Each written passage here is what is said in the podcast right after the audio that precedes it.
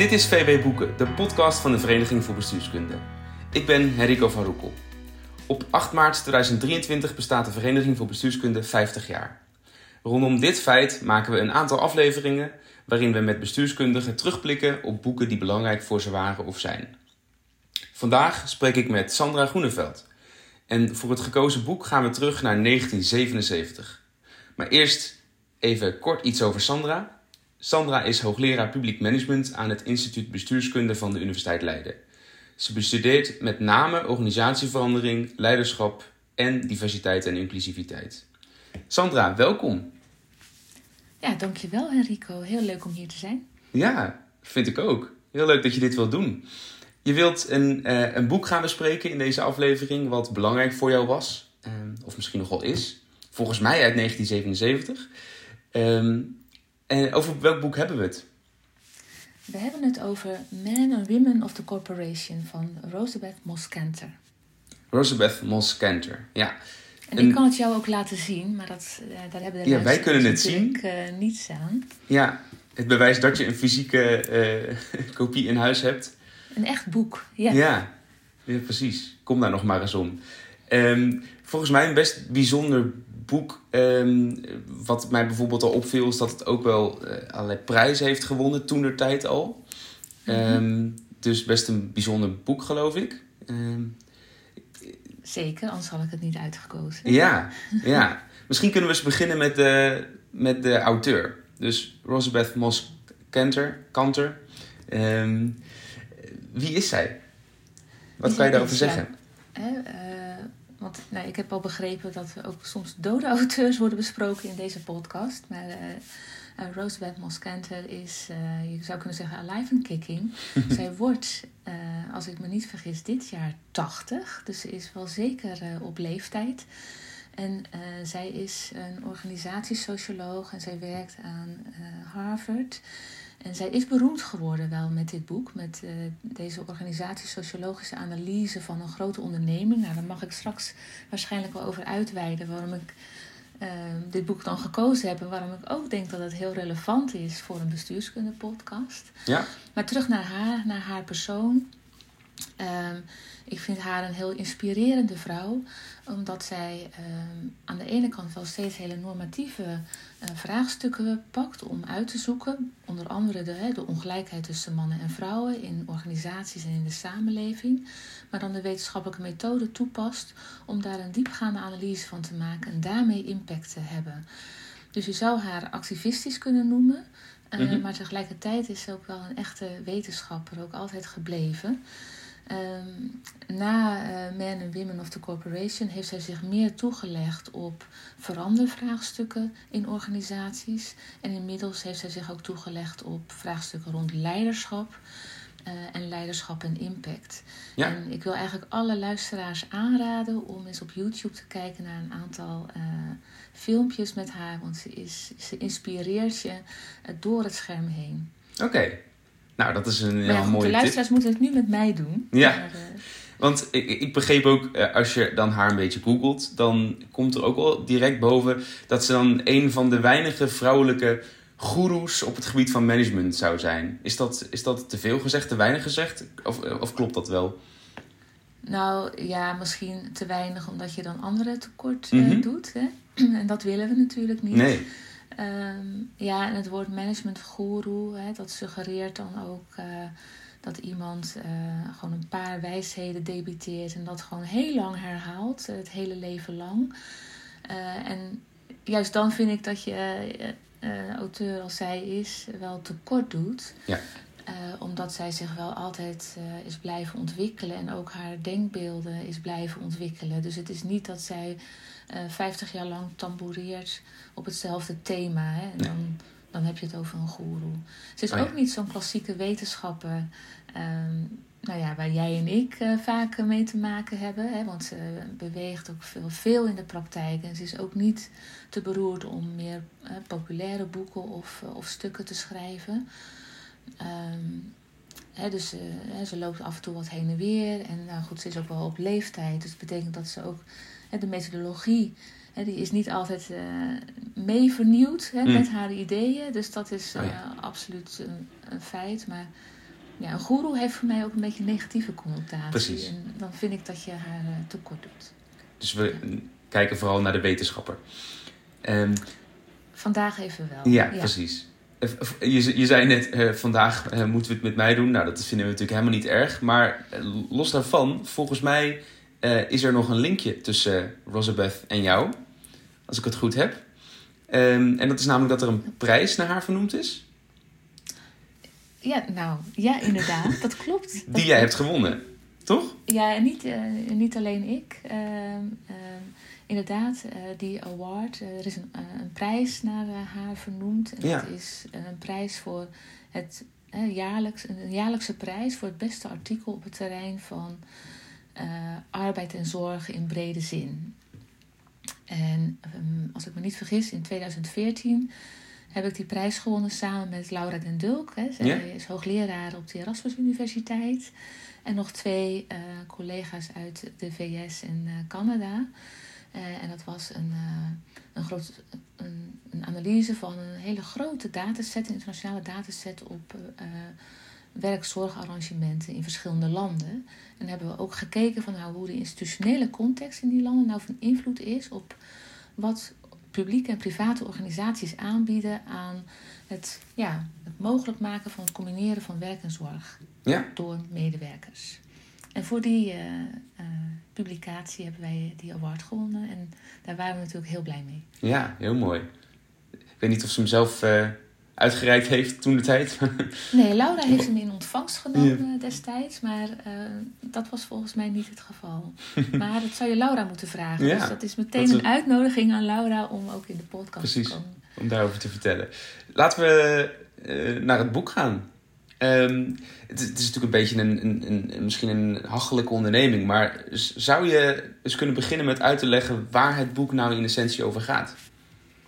Nou, dat is inderdaad een, een hachelijke onderneming, want uh, ik heb hier een uh, pocket uh, voor me liggen. Dus een paperback-uitgave van het boek uit 1993. In 1993 is een tweede editie verschenen met nog een extra nou ja, soort essay van de auteur eraan toegevoegd. Um, maar zonder wijzigingen in de, in de tekst van de eerste editie uit 1977. Mm-hmm. En waar gaat het boek over? Um, nou ja, hè, zoals de titel al zegt, over mannen en vrouwen in een organisatie. Um, en het gaat dan in het bijzonder over de ongelijkheid in de posities van mannen en vrouwen in organisaties. En hoe die ongelijkheid nou eigenlijk ontstaat en ook bestendigd wordt. Um, ik denk dat het boek wel uh, van betekenis is ook niet alleen voor ongelijkheid tussen mannen Mhm. en vrouwen in organisaties, maar ook gewoon in bredere zin om gedrag in organisaties um, te begrijpen. Um, wat de auteur doet, ze doet eigenlijk. Uh, ze gaat één organisatie in, een grote organisatie, een bedrijf. Daar komen we straks wel op terug, hè, want ik kan me voorstellen dat de luisteraars dan denken: ja, hoe relevant is dat dan voor de bestuurskunde? Maar dat, dat parkeren we even. Mm-hmm. Wat ze doet is eigenlijk een, een etnografisch onderzoek in één grote organisatie. Daar heeft ze jarenlang rondgelopen. Eigenlijk eerst een beetje als consultant, maar toen steeds meer als wetenschapper. En ze heeft op allerlei manieren data verzameld over het gedrag in die organisatie. Surveys, interviews, observaties, noem maar op.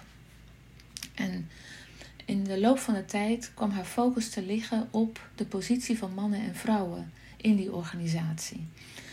Um, nou, in het boek beschrijft ze dan allereerst gewoon de context, dus van hoe die organisatie eruit ziet en welke rollen en functies daar zijn.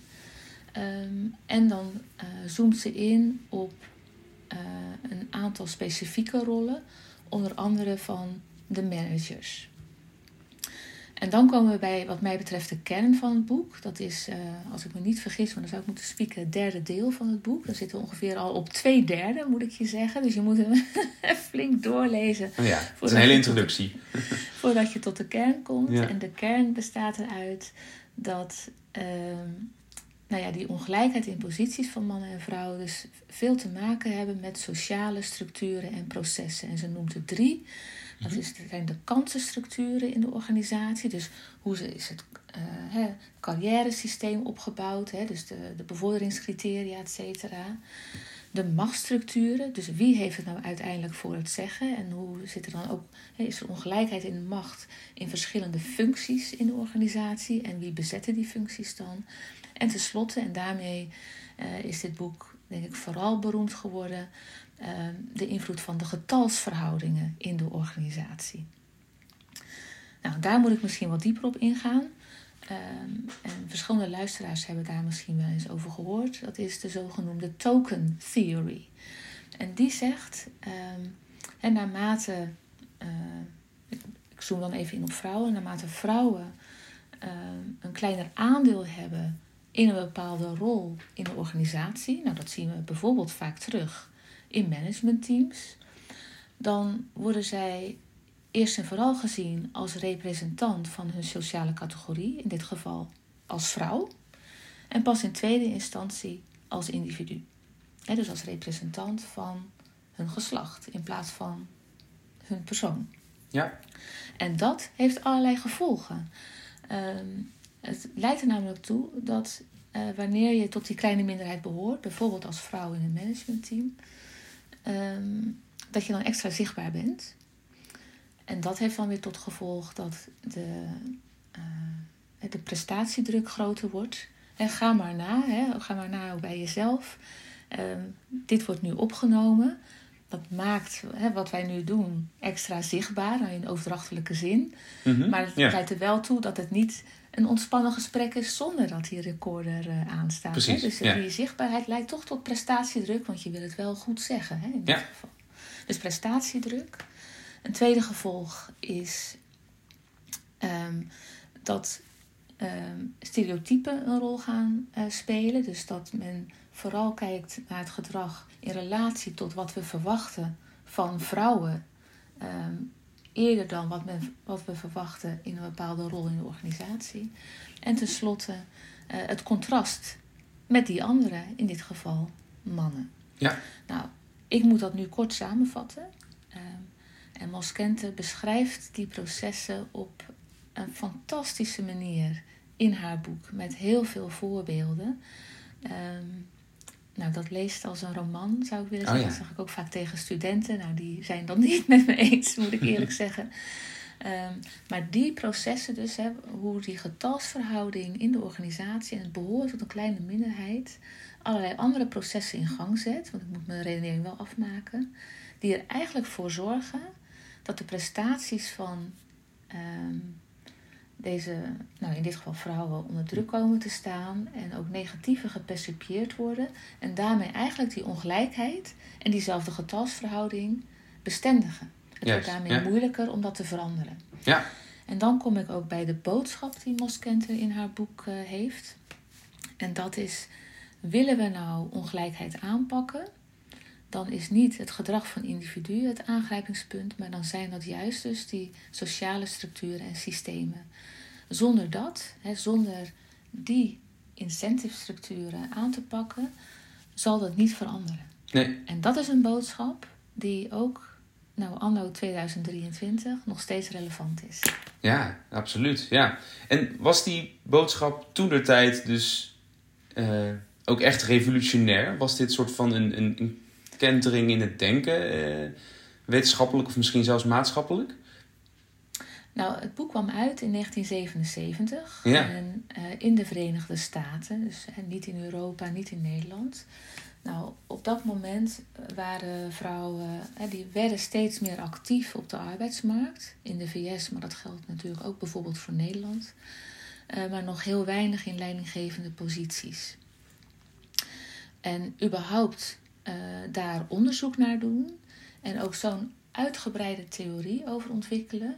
Overigens een theorie die relevant, hè, ook relevant is voor andere eh, categorieën hè, die te maken hebben met ongelijkheid. Ja, Maar minderheden of ja, ja. Ja, hè, de focus ligt nu eh, op gender. Ja.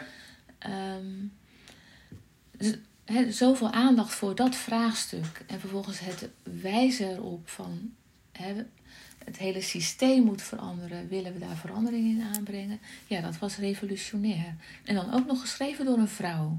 Precies, ja. Dus ehm, die ook toen al heel snel een enorme autoriteit werd uh, op haar vakgebied. Hè? Want ik zei zojuist, zij is 80 jaar.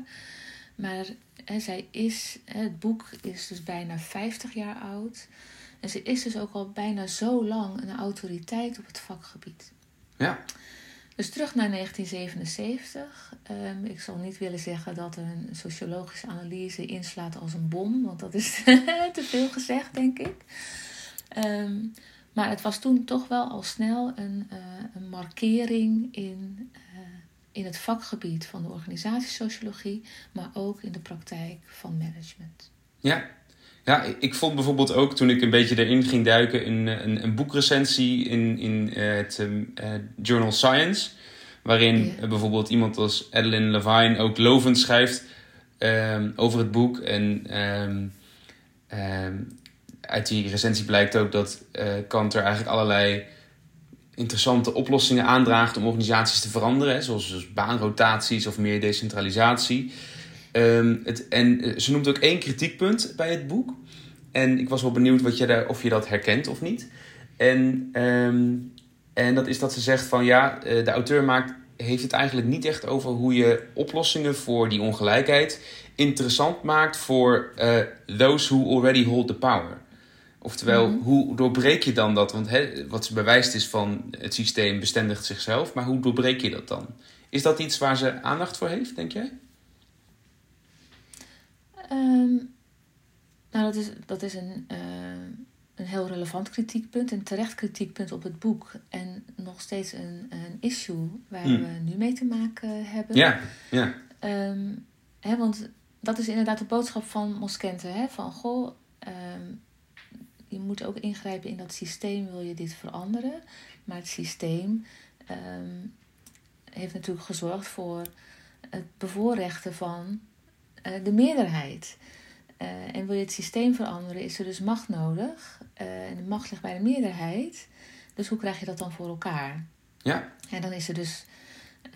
Uh, dus dan komen, we, dan komen we op een bepaalde manier ook wat dichter bij de bestuurskunde. Dan is er misschien een overheid nodig die oh, ja. daar op zou kunnen sturen. Hè, dat is dus één manier die we in de praktijk ook wel zien. Dat overheden uh, streefcijfers opleggen of zelfs quota opleggen aan organisaties om dit soort zaken te doorbreken. Dus dat is een ja. manier om dat te doen. Um, hè, dus dat is de, eer, uh, de eerste. Mm -hmm. Je ziet ook in de praktijk dat zou je wel een elegante manier kunnen noemen, maar wel een hele moeizame, dat juist de minderheid ook de verantwoordelijkheid krijgt of neemt om aan het systeem te werken. En dat zien we natuurlijk ook in de praktijk wel gebeuren. Het ja. netwerken van vrouwen of andere minderheden werk maken, aan de deur gaan kloppen en gaan lobbyen om systemen te doorbreken. Ja.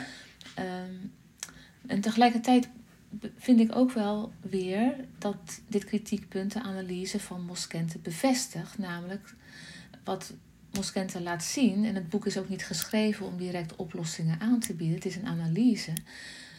Moskente laat zien hoe, uh, nou hoe ingewikkeld het ook is om verandering aan te brengen in, zo, in die ongelijkheid. Um, en ze, ze zegt, hè, gedragsverandering alleen of, of individuen erop wijzen, je moet je anders gaan gedragen, heeft geen zin. Um, het empoweren van bijvoorbeeld vrouwen uitsluitend, dat is ook niet genoeg. Je nee. moet dus dat systeem veranderen, maar het veranderen van het systeem, omdat het zichzelf versterkt, um, is heel ingewikkeld. En dat ja. komt ook wel uit haar analyse. Dus uh, ik, vind het, ik vind de kritiek terecht. Um, maar ik vind het ook een bevestiging van, van de analyse zelf. Precies, ja. ja. Um, misschien kunnen we een beetje naar, um, naar het nu ook. waar ik eerst wel benieuwd naar ben is... Uh, kijk, je geeft dit boek op als een belangrijke inspiratiebron. Dan kan je misschien ook wel iets zeggen over hoe dit werk jouw eigen werk heeft beïnvloed. Uh, heeft, heeft dat dat? Op een bepaalde manier? Ja, op allerlei manieren. heeft het mijn eigen werk uh, beïnvloed. En we komen straks nog wel op de bestuurskunde, denk ik. Hè? Ja, jij leidt dit gesprek, dus ja. begin ik eerst bij mezelf. Is goed, ja. ja. Um, het heeft mij op allerlei manieren uh, beïnvloed. Ik heb het gelezen tijdens mijn studie. Tenminste, toen heb ik het voor de eerste keer gelezen. En dit, is, dit boek is een klassieker. Hè? Um, en uh, klassiekers die moet je herlezen. En elke keer als je een klassieker herleest, lees je weer een ander boek. Dus dat wil ik ook de jonge luisteraars meegeven. Duik in de klassiekers en herlees dat zo nu en dan. Um, goed, ik las het dus uh, tijdens mijn studie en um, ik vond het super interessant vanwege de thematiek. Hè, en die thematiek, nou, die hebben we zojuist al uh, besproken. Ja. Maar het was voor mij ook uh, een kennismaking met hoe je dus als uh, wetenschapper hè, door uh, een organisatie in te gaan, daar uitvoerig empirisch onderzoek te doen, ehm, ja, dit soort inzichten kunt ontwikkelen ja. over hoe organisaties werken. En dat heeft mij eigenlijk altijd gefascineerd, hoe organisaties werken. En mijn tweede fascinatie is ongelijkheid in de samenleving. Dat zijn twee redenen voor mij om sociologie te studeren en nog steeds te studeren eigenlijk. Mhm. Um, en dat, die komen in dit boek uh, samen, die fascinaties. En ik leerde dus als student dat je door middel van empirisch onderzoek daar veel meer begrip van kan krijgen. Um, en ja, dat heeft mij gewoon bijzonder geïnspireerd. En daar kwam bovenop dat je als student, als jonge student. Ik ging vanaf het VWO ging ik, uh, studeren. Dus ik had eigenlijk nog geen organisaties van binnen gezien, behalve in vakantiebaantjes. Ja, ja. Of als ik als burger of klant met een organisatie te maken heb. Maar ik had echt geen flauw idee hoe organisaties er van binnen uitzien. En dit boek, omdat het zo'n zo precieze beschrijving geeft van wat er dagelijks op de werkvloer en in de boardroom gebeurt, ja. kreeg ik gewoon he, gingen die deuren eigenlijk gewoon open voor mij als lezen en kon ik lezen hoe dat werkte. Dus ook dat Ja. heeft me eh, enorm geïnspireerd. En het inspireerde mij dus tot het doen van empirisch onderzoek. Precies. Ehm, Ja. En dat ben ik ook altijd blijven doen. Dus het is een, een samenspel van organisaties, de belangstelling voor diversiteit en ongelijkheid en het belang van empirisch onderzoek. Ja, dat heb ik eigenlijk Ja. altijd meegenomen in, mijn, in de rest van mijn loopbaan. Tegelijkertijd kan ik me dan voorstellen, als je zegt van nou, dit was, ik had nog weinig organisaties van binnen gezien, dit was mijn introductie. Dan is het voor eh, een jonge vrouw ook niet per se de meest eh, positieve introductie. Als in het, het, als je denkt van nou, dit, dit staat op mij te wachten, zeg maar. Of was Ja. dat niet per se zoals je het las? Nee, ik vind het. eh, dat is een hele leuke vraag. Ik moet er ook echt even over nadenken. Het zegt misschien meer over mij dan over het boek.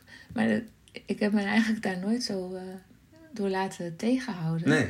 Maar het heeft me wel altijd eh, gemotiveerd. Het heeft me, en dan kom ik misschien ook wel terug bij het boek hoor. Eh, het heeft mij altijd gemotiveerd om ook naar, dit, naar deze thematiek, hè, gender en organisatie, onderzoek te blijven doen.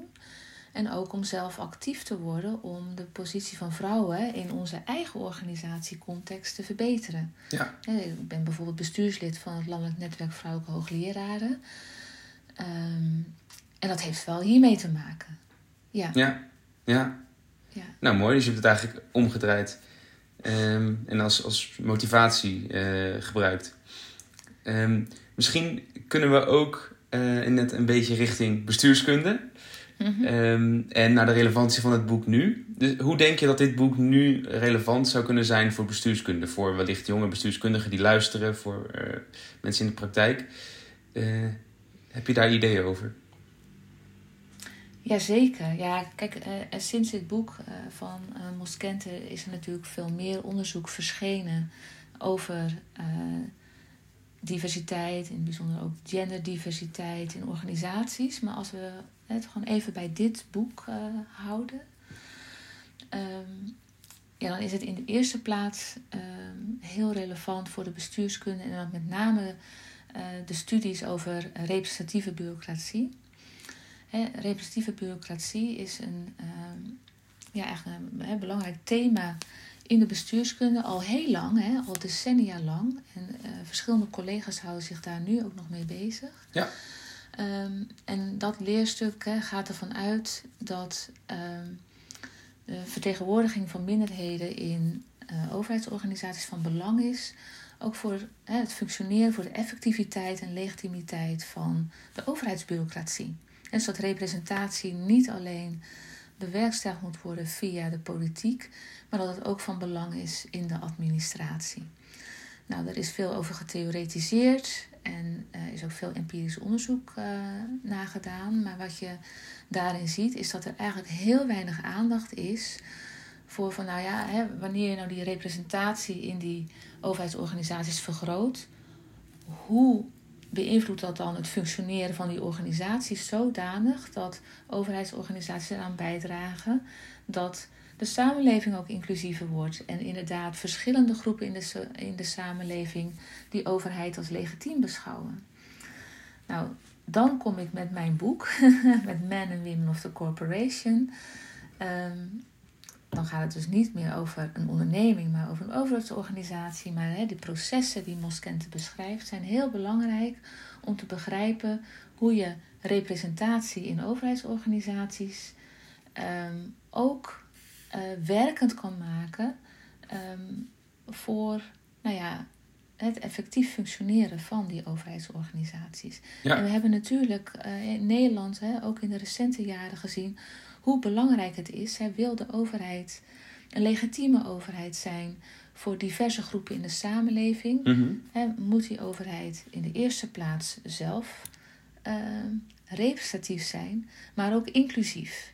En om inclusief te zijn, hè, moeten er allerlei sociale structuren en processen in die organisaties doorbroken worden.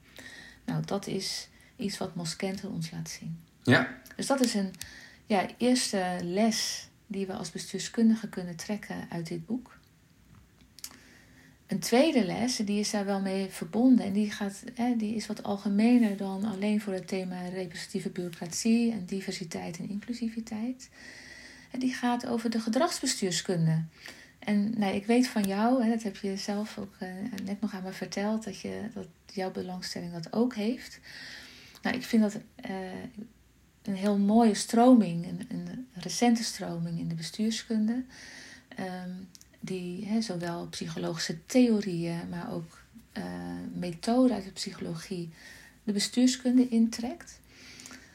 Ik denk dat dat goed is. We zien dus veel experimenteel onderzoek naar gedrag van ambtenaren en gedrag van burgers. Ehm, onder invloed van bepaalde cues die hen worden aangeboden. En daar uh, in dat werk worden veel hypothesen getoetst die gebouwd worden op psychologische theorie. Ja, ja. We brengen dat de bestuurskunde in Ehm, vanwege die specifieke context die wij allemaal onderzoeken hè, als bestuurskundige. Wat is die publieke context die wij allemaal zo interessant vinden? Maar hè, het nadeel van de gedragsbestuurskunde vind ik dat die context dan vaak zo onderbelicht blijft. Zowel de organisatiecontext als de bredere maatschappelijke context. Die, zoals Moskente ons laat zien, heel veel invloed hebben op gedragspatronen in organisaties. Ja. Dus dat is eigenlijk de tweede les die Moskente ons laat zien. Het enorme belang van de sociale context, zowel in de organisatie als daarbuiten, om gedrag te begrijpen en ook gedragspatronen te begrijpen en ook wat er nodig is om gedragspatronen te doorbreken. Ja, precies. Dus eigenlijk die aandacht voor het systeem. En even heel uh, plat geslagen, maar alleen een, een, een kleine nudge in de sollicitatieprocedure is niet genoeg, zeg maar.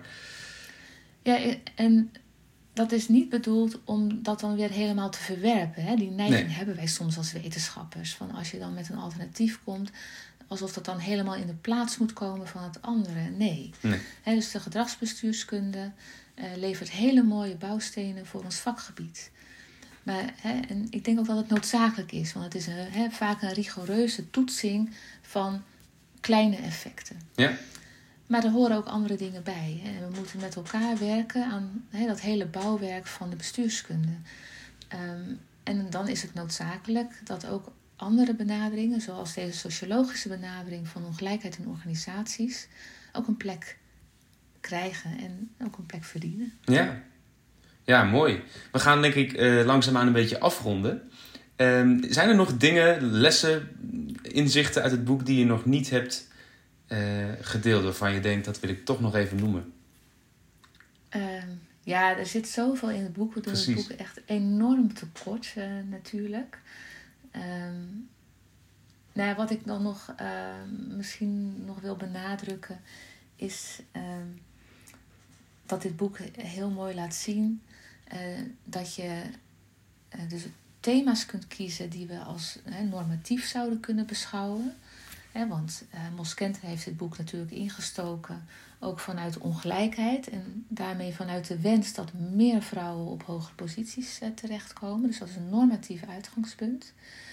Maar tegelijkertijd passen, en weliswaar ehm, op de manier van uit 1977, passen empirische methoden toe, de wetenschappelijke methode past zij toe om dat te onderzoeken om vervolgens de praktijk weer een spiegel voor te houden op welke punten die praktijk zich kan verbeteren. En om op die manier een, een wisselwerking te maken tussen wetenschap en praktijk en bij te dragen aan verbetering van de praktijk, ja, dat is iets wat ook heel goed bij de bestuurskunde past. Hè? Dus dat we met, met de wetenschappelijke methode willen bijdragen aan het verbeteren van het openbaar bestuur. Ja. Dus ook dat is iets ehm, waarvoor ik me wel door haar laat inspireren. Nou, hartstikke mooi. Dankjewel. Dan uh, gaan we hiermee afronden. Bedankt Sandra uh, voor je deelname aan het boek van. Uh, dit was VB Boeken, de podcast van de Vereniging voor Bestuurskunde. Bedankt voor het luisteren en tot de volgende keer.